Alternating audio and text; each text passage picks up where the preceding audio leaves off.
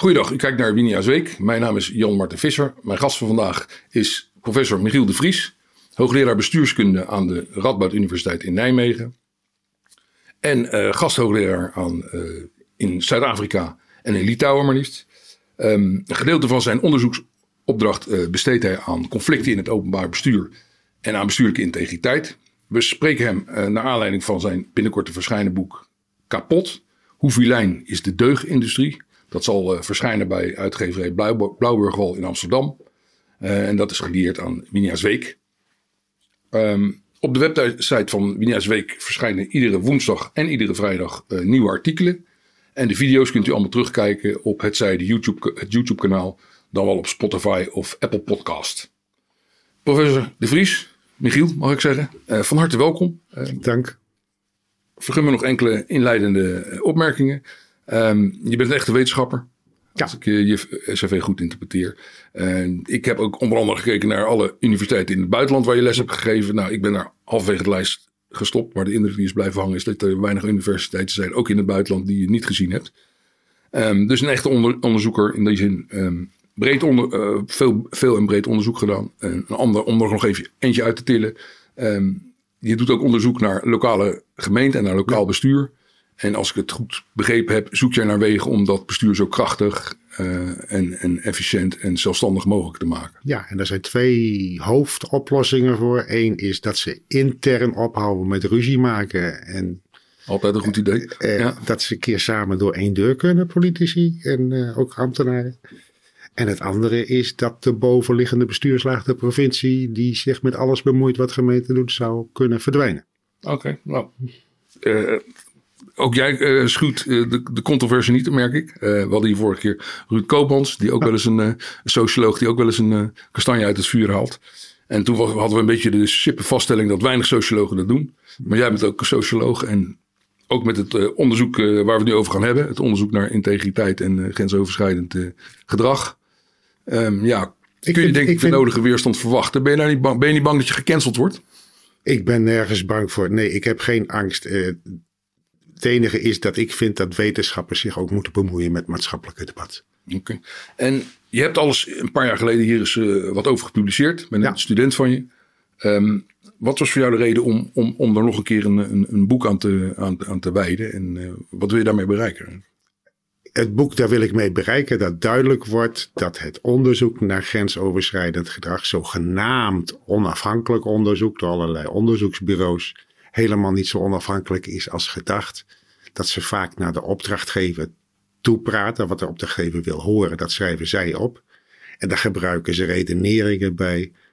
Waarvan je zegt van dat zijn drogredeneringen. Dat is een walgelijk gebruik van statistiek. Dat is uh, onderzoeksrapporten met conclusies waarvan je van tevoren, ja, dat, dat zal wel. Maar het is niet gebaseerd op de bevindingen of op een normenkader of op uh, deugdelijk onderzoek wat je zou verwachten. Op je kritiek op die, op die, um, ja, die onderzoeksbureau kom ik zo, zo meteen graag nog uh, uitgebreid terug. Dat is het belangrijkste onderdeel van je boek eigenlijk. Um, wat me opviel in de subtitel, hoe vilijn is de deugindustrie, gebruik je, en waarschijnlijk niet voor niks, het woord deugindustrie. Wat bedoel je daar eigenlijk mee? Ja, eerder was het dus integriteitsindustrie, omdat het alleen over integriteitszaken ging over mensen die uh, dubbel gedeclareerd hadden. Of mensen die geld uit de kas hadden gestolen. Of wat dan ook. Dat was meestal financieel. Mm -hmm. Integriteit, fraude, corruptie. Tegenwoordig zie je veel meer belangstelling voor iets wat grensoverschrijdend gedrag wordt genoemd. Maar waarvan niemand weet wat het eigenlijk is. Dat loopt van verkrachting tot aanranding tot intimidatie, tot pesten. En wat je dan onder intimidatie en pesten moet verstaan, daar zijn nog weer een veelheid aan definities voor. En wat je ziet in de praktijk is dat die onderzoeksbureaus gewoon hun eigen definitie gebruiken. Om iemand maar te kunnen beschuldigen van grensoverschrijdend gedrag.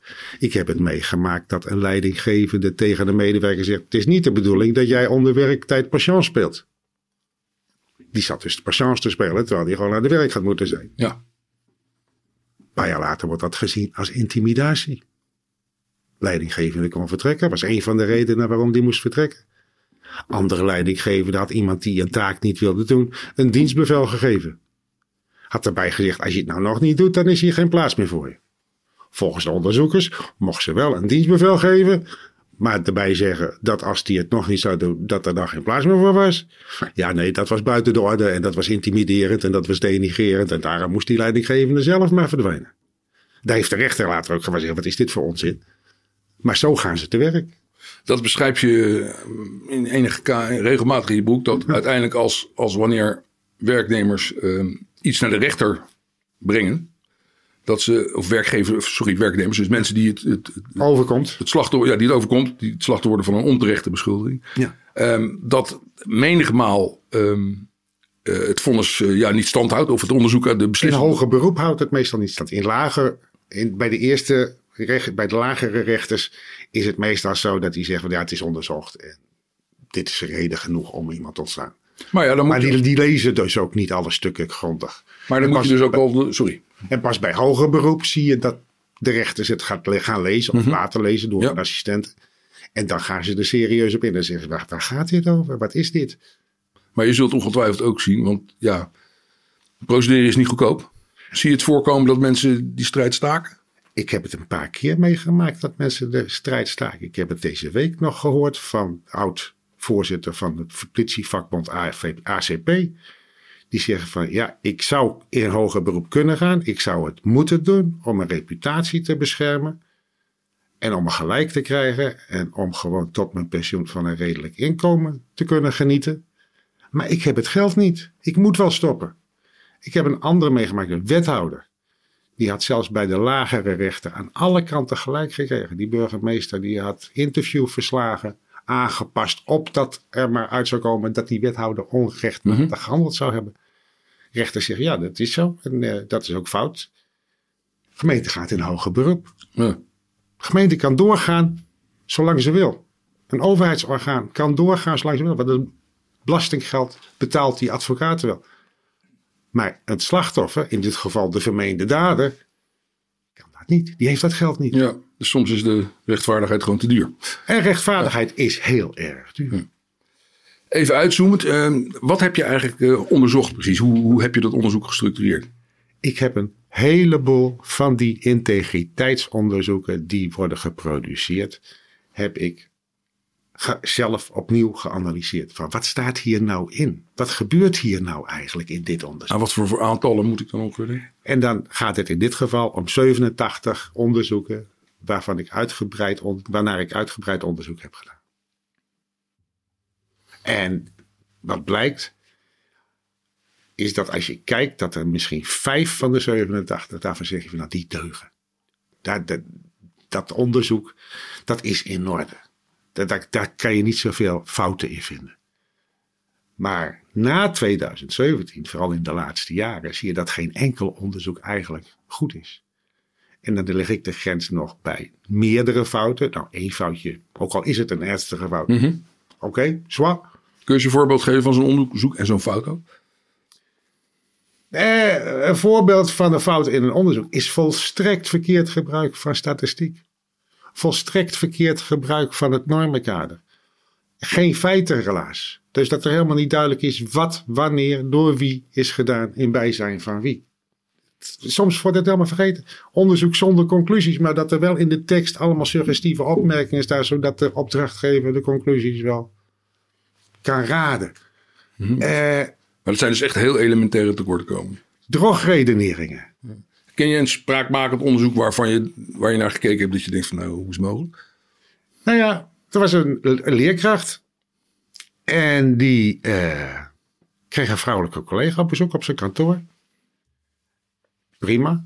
En anderhalf jaar later klaagt die vrouwelijke collega hem aan. Waarom? Hij zou haar gevraagd hebben: Wil je wel met mij naar bed? Hij zegt van nee, maar dat heb ik nooit gezegd tegen die onderzoekers. Want er komt een onderzoek van en hij zegt: Heb ik nooit gezegd. En dan zeggen die onderzoekers: Ja, en toch hechten we meer waarde aan de verklaring van die vrouw. Waarom? Omdat zij aan meerdere mensen datzelfde verhaal heeft verteld. En hij alleen maar heeft ontkend. En dan denk ik, dat is een drogredenering. Dan kan je elke complotdenker kan je gewoon gelijk geven. Want die heeft een hoop ho- toehoorders, hoop volgers. En alleen daarom al zou het waarschijnlijker zijn wat die persoon vertelt. Ik geloof er niks van. En dat geldt ook voor die man en die vrouw. De een zegt het is niet gebeurd, de ander zegt het is wel gebeurd. Dan moet je als onderzoeker gewoon zeggen: van, we hebben geen getuigen, we hebben geen bewijs. We weten niet of het gebeurd is. En deze onderzoekers zeggen: we weten het niet, maar het is waarschijnlijk dat het wel gebeurd is, want die mevrouw heeft het aan meerdere personen verteld. En dan denk ik: waar gaat dit over? Ja, in je boek ben jij niet alleen kritisch, maar jij geeft ook aan, en je schetst ook zelf een normenkader, om even bij je eigen methodologische voorschriften te blijven. Uh, van oké, wat zijn nou eigenlijk kernelementen van zo'n goed onderzoek? Zou je, zou je daar eens een, voor ons eenvoudig sterveling begrijpbare uitleg van kunnen geven? Kernelementen zijn dat het begint met een inleiding waarin de onderzoeker zegt: hoe heb ik dat nou onderzocht en wat is de vraagstelling geweest? En daar gaat het eerst af uit. Hè? Want die opdrachtgever die bepaalt de vraagstelling voor het onderzoek. Dan zegt hij bijvoorbeeld, er is een conflict met deze collega en dat is geëscaleerd. Wil jij eens nagaan of dat nog goed kan komen? En dan zegt hij al in de opdracht, het is geëscaleerd. Dan weet zo'n onderzoeker al van, nou hier moet ik niet meer te positief zijn. En wat zie je aan het eind? Ja, het is geëscaleerd. Het antwoord zit al in de vraag opgesloten. Of de opdrachtgever, een burgemeester, die zegt al publiekelijk van, ik... Uh, ik, ik, ja, ik had het altijd al gedacht van deze wethouder. Of ik steek mijn hand voor deze wethouder in het vuur. En afhankelijk van wat die burgemeester zegt als opdrachtgever van het onderzoek, komt dat eruit. En dat komt eruit omdat die opdrachtgever, of omdat dat onderzoek vervolgt met een normenkader. Waar zou gedrag aan moeten voldoen volgens wet en regelgeving en gedragscodes. Dan een feitenrelaas en dan een combinatie daarvan, een analyse van mhm. beide. Van past dat, passen die feiten dan binnen die normen? En dan een conclusie. Maar vaak ontbreekt een van die elementen. Dan is er helemaal geen normenkader. Dan bedenkt een onderzoeker dat zelf. Ik heb meegemaakt dat een leerkracht werd ontslagen. Omdat hij een relatie had met een collega. En de onderzoeker zegt dat is toch niet van deze tijd dat je met een collega een relatie hebt. En dan denk ik van in welk tijdstip leef jij als onderzoeker? Maar de schoolleiding zei, je bent ontslagen. En pas toen het voor de rechter kwam, zei de rechter van, dat onzin. Er staat nergens dat je niet met een collega een relatie mag hebben. Uiteraard mag dat. Als dat met wederzijds goed vinden is en er is geen gezagsrelatie, is daar helemaal niks op tegen. Maar die onderzoekers zeggen, dit zijn mijn normen. Dus die bedenken zelf die normen van wat is goed en fout. Ja, maar je schetst in je, in je, in je, in je boek ook een aantal bronnen waar je normen vandaan kunt halen. Dat nou, ja. Maar dat blijft dat niet altijd een heel heikel onderwerp van gelukkig, gelukkig denken we meestal. Kijk, je, kunt op vier manieren kun je normen stellen. Je kunt zeggen, er zijn absoluut normen. Sommige dingen doe je niet. Je, je gaat niet iemand vermoorden. Je gaat niet mhm. iemand verkrachten. Dat staat allemaal in de wet. Dat staat allemaal vast. En dat staat al decennia lang vast. Maar dan heb je ook. Nou, dat is dus, dus wettelijk. Deontologisch noem je dat met een moeilijk woord. Je kunt ook zeggen van ja, wat vinden de meeste mensen goed en slecht? En dat verandert door de tijd. En dat zie je bijvoorbeeld bij grensoverschrijdend gedrag. Momenteel hebben we iets van een woke-cultuur, waardoor je echt niets meer kan. Wat twintig jaar geleden wel kon, kan nu niet meer. Twintig jaar geleden kon ik in mijn colleges gewoon een, grap vertellen elke twintig minuten om de aandacht er weer bij te krijgen. Tegenwoordig kan dat niet meer. Ja, zelfspot is het enige wat nog mag. Maar gewoon een goede grap vertellen, en zeker als het een beetje schuin op is. Nee, dan word je gelijk voor de integriteitscommissie gedaagd van... Meneer De Vries heeft dit en dit gedaan. Is mij overkomen. Ga ik naar die integriteitscommissie. Zeg, wat was die grap? Ik vertel die grap. Ze beginnen te lachen. Ik zeg, nou, dan heb ik dus gewonnen. Ja, nou, gelukkig wel. Maar tegenwoordig zou dat niet meer kunnen. Dat kan einde carrière worden, ja. Einde carrière. Ja, en wat je ook zegt, is van, nou, het hangt er vanaf. Wat zijn de gevolgen van je gedrag? Daaruit kan je gedrag ook afmeten. Onze regeringscommissaris zegt ook, je moet dat altijd in de context bekijken. Nou, als je één ding ziet, is dat die onderzoekers dat niet doen. Die bekijken dat niet in de context. Die schetsen wel eerst de hele context, maar in de conclusie zeggen, oh, dit is gebeurd, punt. Of dit zien wij als zijnde gebeurd. En wat je dan ziet, is dat normen zo opgeschreven, die zijn meestal abstract. En het gedrag is heel concreet. En dan is er bij de overheid bijvoorbeeld een regel dat als jij een relatie hebt met een collega, dan moet je dat melden aan je leidinggevende. Mm Maar wanneer spreek je nou van een relatie? Ik heb een procureur-generaal meegemaakt, die heeft, had een relatie met zijn collega. Of niet, hij zelf zei van niet. En die onderzoekers, ja, wat moeten we nou? Kunnen we nou aantonen dat hij een relatie had? Laten we een andere definitie van relatie bedenken. Dat is niet meer of je verloofd, getrouwd of samenwoont. Nee, als jij je collega's het idee hebt gegeven dat zij denken dat jij een relatie hebt, dan heb jij een relatie. Ja, en dat is een nieuwe definitie dan, die dan En dat is een definitie die wordt door de onderzoekers dan gemaakt. En die vragen dan aan de collega's: Heb jij het idee dat zij een relatie hadden? Ja, ja, ja had ik wel, want ze hebben wel eens een glaasje wijn samen gedronken. Jij constateert ook, ook, en dat grenst hier een beetje aan, dat je regelmatig zegt van ja, is het nou een overtreding of is het een pietluttigheid? Je noemt bijvoorbeeld in dat kader ook het onderzoek tegen de Mos in Den Haag. Ja, ja die heeft eh, pak een beet eh, twee bootreisjes gehad, geloof ik. En wat had hij verder nog? Eh eh, en zijn organisatie, zijn partij, die had wat donaties gekregen. Ja. Hij zelf niet. Hij had alleen een paar bootreisjes en een paar dineetjes gekregen. En daar wordt zomaar voor opzij gezet. Terwijl ik denk van kijk eens in de landelijke politiek wat er gebeurt.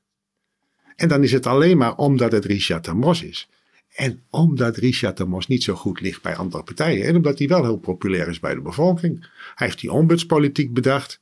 En dan wil je hem kwijt. En dan bedenk je wat. En dat een OM dan 15.000 pagina's aan dossiers samenstelt. En dat de rechter dan achteraf zegt, ja, maar er staat helemaal niks in. En alleen maar omdat hij dat dus zelf heeft aangevochten en daar de mogelijkheden toe had. Ja, dan denk ik, wat, waar zijn jullie mee bezig? Jij zegt ook, en dat vond ik echt opvallend, eh, dat eigenlijk, ik geloof, ik, ik- er staan nog wat tabelletjes in je boek, maar eh, dat er geloof ik in 0% van de gevallen een analyse gemaakt wordt. Daar pleit je, als, ik- als ik het goed begrepen heb, wel voor. Een analyse van mogelijke motieven en be- beweegredenen van betrokken partijen. Ja, ja, Van wat, wat voor belang bij heeft iemand bij deze of gene actie? Er zijn een heleboel belanghebbenden in zo'n situatie. Ja. Je hebt de beschuldigde, die heeft een belang. Je hebt degene die beschuldigt, die heeft een belang. Je hebt de organisatie, die heeft een belang. Je hebt de collega's, die hebben allemaal belangen. Als jij een leidinggevende bent die net een reorganisatie in wil zetten. Ja, dan zullen er een heleboel mensen zijn die daar weerzin tegen hebben. Die willen dat niet. En die zijn bang en onzeker. Is Gundogan ook niet zo'n geval? Die wilde een... Nou, Kundekom was een iets ander geval. Oh, ik dacht dat hij een, leer, een, een, een, een medewerker niet wilde, het contract niet wilde verlengen. Ja, dat. Ja. Maar dat is niet een reorganisatie van Nee, fair enough. Oké. Nou, ja. maar, maar, maar ik heb meegemaakt dat iemand een reorganisatie wilde inzetten. Die vertelt ook aan het personeel. Nou, dat moet gereorganiseerd worden. Dan moet eh een kwart van de medewerkers moet weg over drie jaar. Want het kan gewoon niet meer uit. Het kost gewoon te veel geld. Nou, dan ontstaat er onrust in zo'n organisatie. Eh, mensen beginnen elkaar te pesten. Mensen beginnen alleen nog maar aan hun eigen cv's te werken. Dat komt in de krant. En het bestuur zegt van wie is daar verantwoordelijk voor? Onderzoek. Ja, de directeur. De directeur is ver- verantwoordelijk voor die weerstand die daar in die, en die angstcultuur in die organisatie. En dan gaan ze dat onderzoeken. Dan blijken de medewerkers inderdaad een angstcultuur te ervaren. En dan zeggen de ja, dat is een angstcultuur. Dat moet wel liggen aan de directeur, want die is daarvoor verantwoordelijk. Maar als je iets dieper kijkt in het rapport, waarom zijn de mensen angstig? Omdat er gereorganiseerd wordt. Omdat een kwart van de mensen ontslagen moet worden. En daar kan die directeur niks aan doen. Dat heeft dat bestuur bepaald. Maar die directeur moest weg. En uiteindelijk, na zes jaar, allemaal rechtszaken, allemaal arbeidszaken. En uiteindelijk een civiele procedure heeft hij een financiële genoegdoening gekregen. Want het kan niet zo zijn dat als jou gevraagd wordt te reorganiseren. En jij doet dat en je doet het op de zuivere manier, dus transparant. En je vertelt iedereen wat er aan de hand is. En dan ontstaat er onrust, dat jij dan de schuld krijgt van die onrust. Datzelfde overkwam trouwens mevrouw Darmoni van Atria. Moest ook de hele organisatie, ik weet niet of je die kent, feministische organisatie.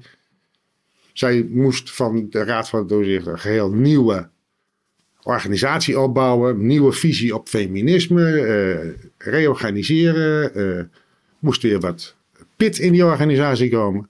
Dat roept weerstand op. En binnen drie jaar is mevrouw ontslagen wegens grensoverschrijdend gedrag zogenaamd. Ja, i- zat ik zich een keer op kantoor omgekleed. En iemand had dat stiekem van achteren gefilmd. En de onderzoekers gebruiken dat van, ja, ze loopt in een string rond op het kantoor. Terwijl ik denk, degene die dat van achteren gefilmd heeft stiekem, pleegt grensoverschrijdend gedrag.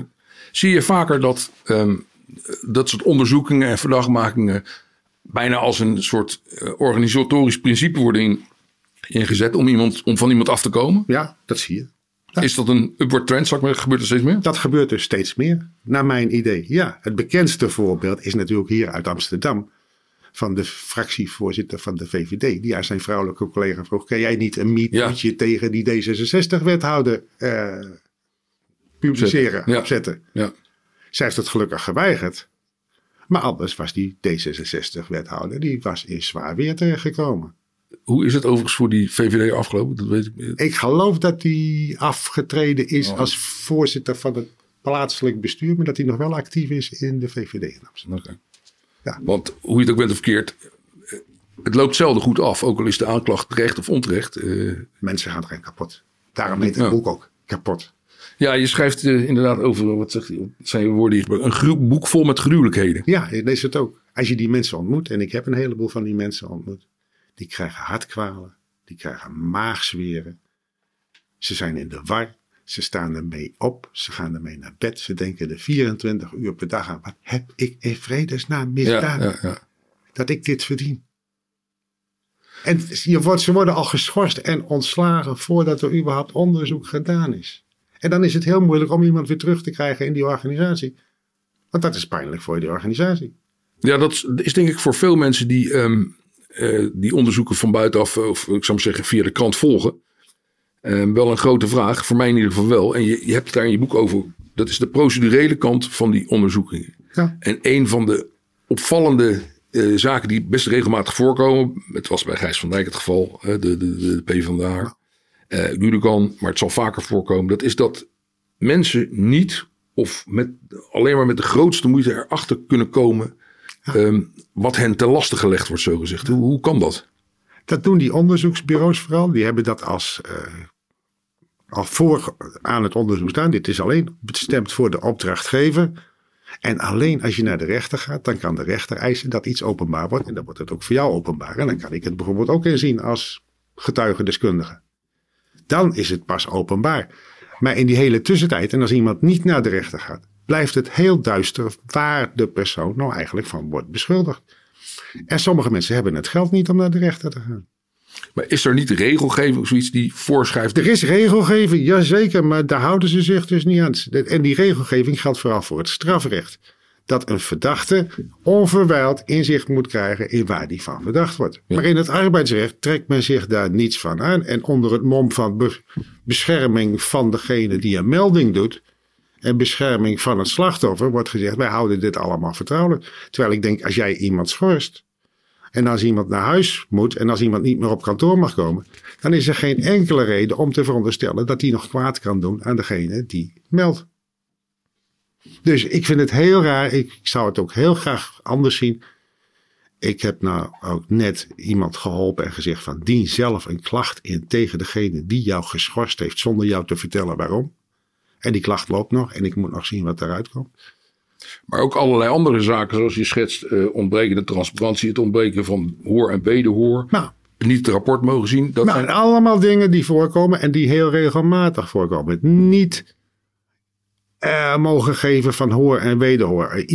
Een onderzoeker schrijft het op en normaaliter verwacht je dan dat de beschuldigde mag reageren op wat zo'n onderzoeker heeft opgeschreven. Net zoals een opdrachtgever daarop reageert. Gebeurt niet. Nee.